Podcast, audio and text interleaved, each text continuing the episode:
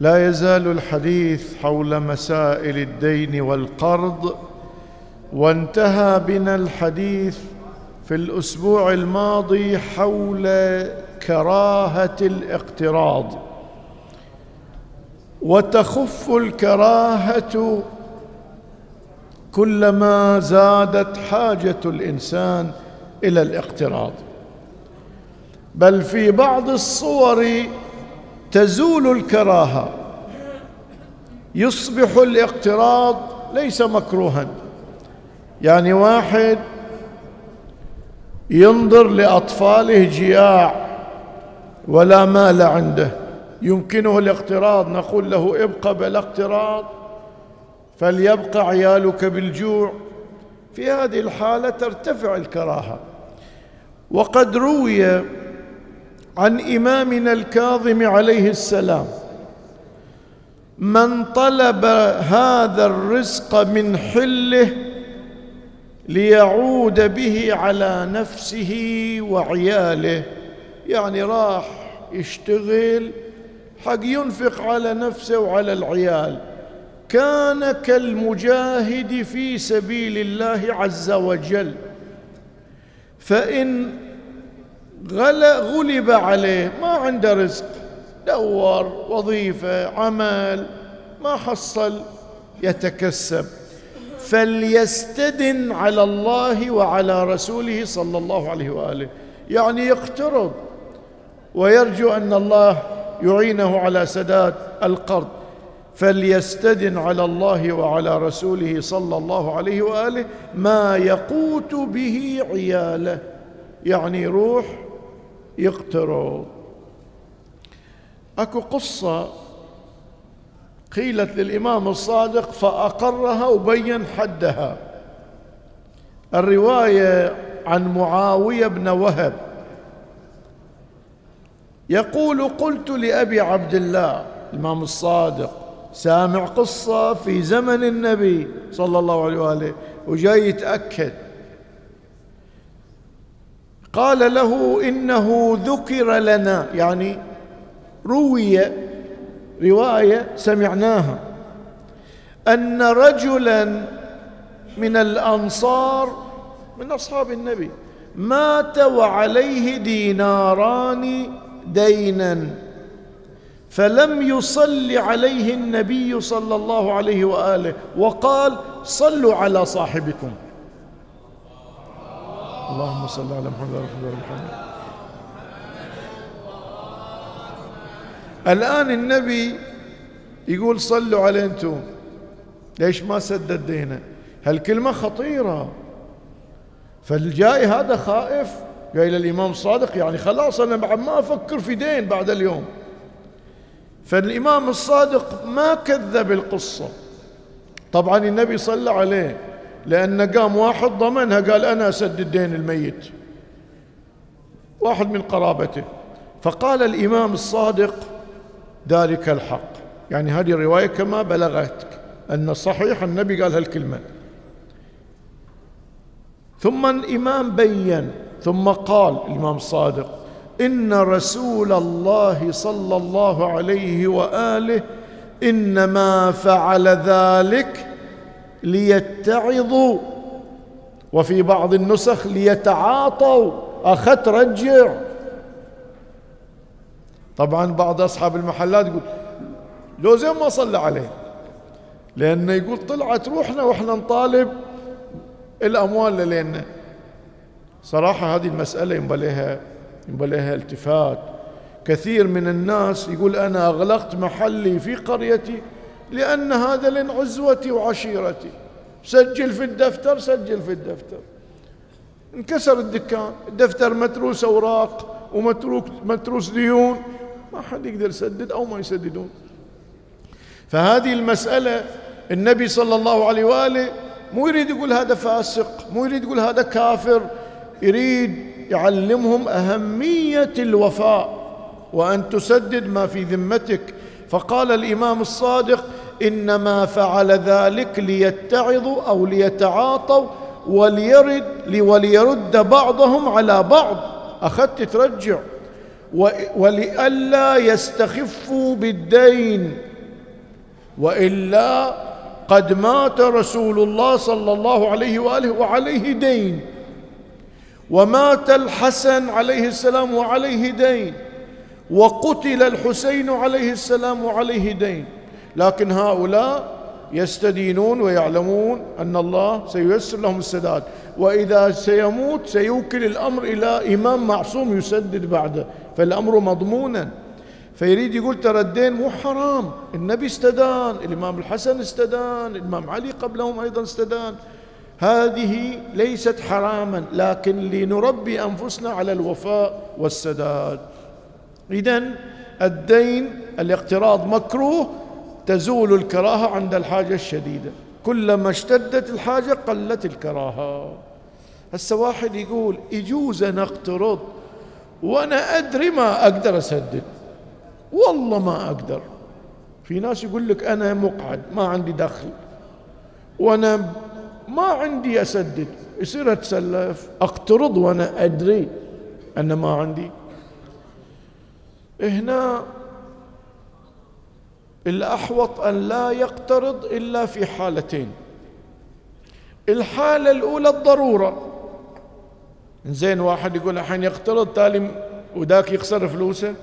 لا إحنا عندنا في الإسلام عندنا حالات فيها سداد للديون. الزكاة مورد مواردها الغارمين. صح لو لا؟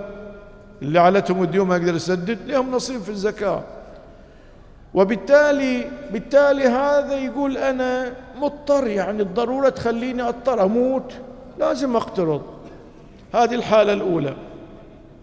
الحالة الثانية أن يخبر من يقرضه يقول له ترى أنا أقول لك بقترض منك. لكن في الأفق أشوف روحي ما أقدر أسدد. قد يقول لي إي أنا راضي أنت خذها حين. والله يمكنك وتسدد لنا. في الحالة يجوز بلا مشكلة. اذا في هاتين الحالتين يمكن أن يقترض الضرورة أو إخبار الآخر. انتهينا من طرف من طرفي العقد. القرض عقد بين طرفين مقرض ومقترض. خاطبنا المقترض قلنا له يكره أن تقترض إلا في الحاجات الشديدة. جئنا للطرف الآخر. يقول لي فلان يبون عندك قرض. لا لا أنا ما بخليه يقع في المكروه. سامحوني. يصير يقول هالكلام؟ يعني هذا مكروه يقترض. هذا بعد مكروه يقرض؟ لو لا يستحب. وش تقولون؟ هذه قضاء حاجة مؤمن. نقول ليه جاءك أخاك أخوك في حاجة وأنت تستطيع لا ترد. الرواية عن النبي صلى الله عليه وآله من أقرض مؤمنا قرضا ينظر به ميسورة. لين يتيسر أمره.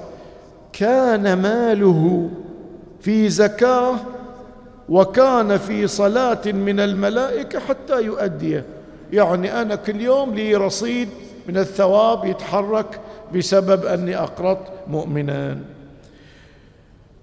نجي إلى رواية ذكرناها قبل سنين على هالمنبر نعيدها.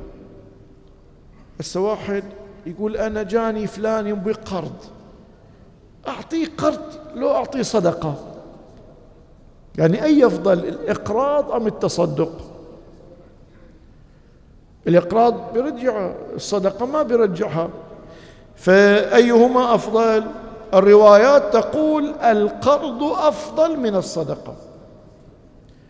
طبعا الرواية تعلل بنقراها تقول أن الصدقة يأخذها المستحق وغير المستحق ما دام ما في ترجيع. عود روحه يمشي ويسأل الناس المال. طبعا هذه تصير. يكون لك واحد كل شهر ياخذ مساعدة ودامات جابوا لنفس الشيخ. نفس الشيخ قصص الشيوخ الأول قالوا لنا قصص. هو قاضي مثلا وهو يساعد. يساعد هذا الفقير كل شهر وإذا ما جابوا أولاده التركة الكبيرة تعال يا قاضي وزع تركة المرحوم. تصير فهناك من يطلب بلا حاجة. شاف المسألة بسيطة ويحصل يروح. فالرواية تعلل لماذا القرض ثوابه ثمانية عشر ثمانية عشر والصدقة عشر حسنات لأن الصدقة يأخذها المستحق وغير المستحق. بينما القرض ما جاك إلا محتاج. ففي القرض في القرض يكون قضاء حاجة تقريبا مئة بالمئة حاجة موجودة بخلاف الصدقة. هذا رواية ذكرتها. بعض العلماء أضاف شيء آخر وآخر قال الصدقة قد تدعو صاحبها الآخذ إلى التكاسل والتقاعس عن العمل. اشتغل لك قال. الناس فيها خير ما دام أنا محصلنها بدون تعب. فقد تدعوه إلى الكسل بخلاف القرض ياخذ وعليه يسدد. هذا فارق رقم اثنين. فارق رقم ثلاثة. أن الصدقة تدفعها وتروح تروح عنك ولا ترجع. خلاص ثوابها مرة. أما القرض سلفناه حج فلان قضينا بحاجة له خلص حاجته سدد نفس المبلغ جانا من جديد أقرضنا حج فلان قضينا بممكن عشر مرات حوائج مؤمنين. فالقرض لبقائه يمكن أن يستثمر في خدمة المؤمنين بإقراضهم مرة بعد مرة. فيكون فيه بركة أكثر من الصدقة. نقرأ رواية من روايات تفوق القرض على الصدقة. عن رسول الله صلى الله عليه وآله دخلت الجنة ليلة يعني المعراج فرأيت على بابها الصدقة بعشرة والقرض بثمانية عشر فقلت يا جبرائيل كيف صارت الصدقة بعشرة والقرض بثمانية عشر؟ قال لأن الصدقة تقع على يد الغني والفقير حتى الغني يريدها. والقرض لا يقع إلا في يد من يحتاج إليه مضطر أو محتاج إلى إلى القرض راح فتح ما وجهه إلى القرض.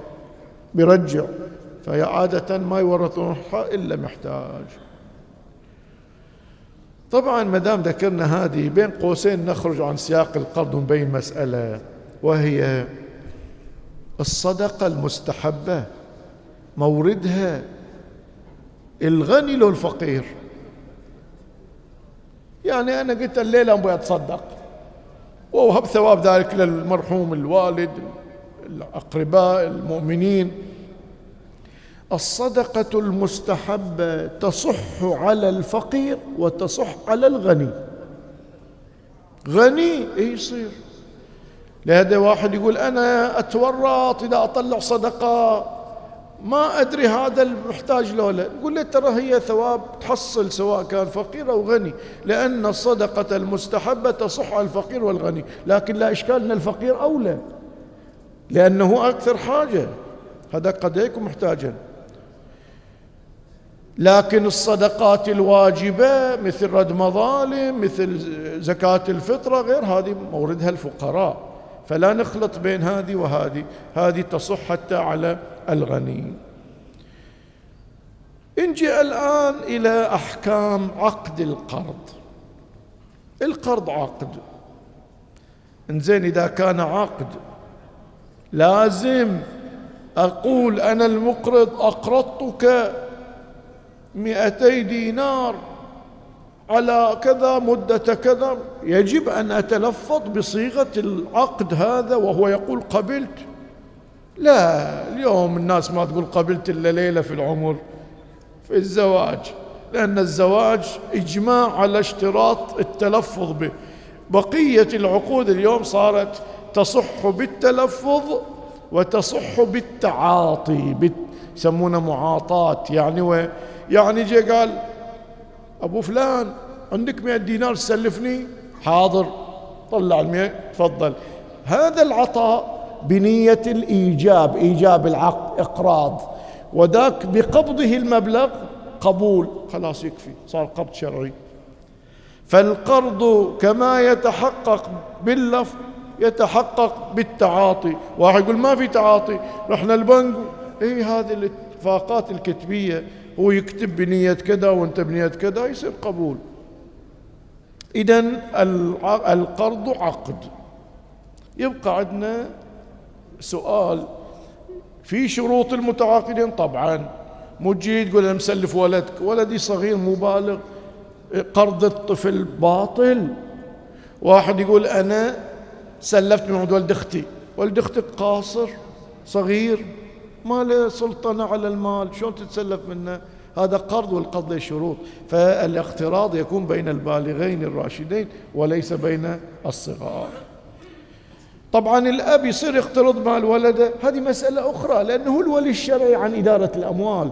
فبعض الفقهاء جوز أن يقترض الأب من مال ولده إذا كان في مصلحة للولد. وبعضهم قال لا لا مو لازم مصلحة. أهم شيء ما في مفسدة على الولد. يقدر يقترض من مال ولده. هذا الأب الأم لا. بقية المسائل الأسبوع القادم والحمد لله رب العالمين. وصل اللهم على محمد وآله الطاهرين.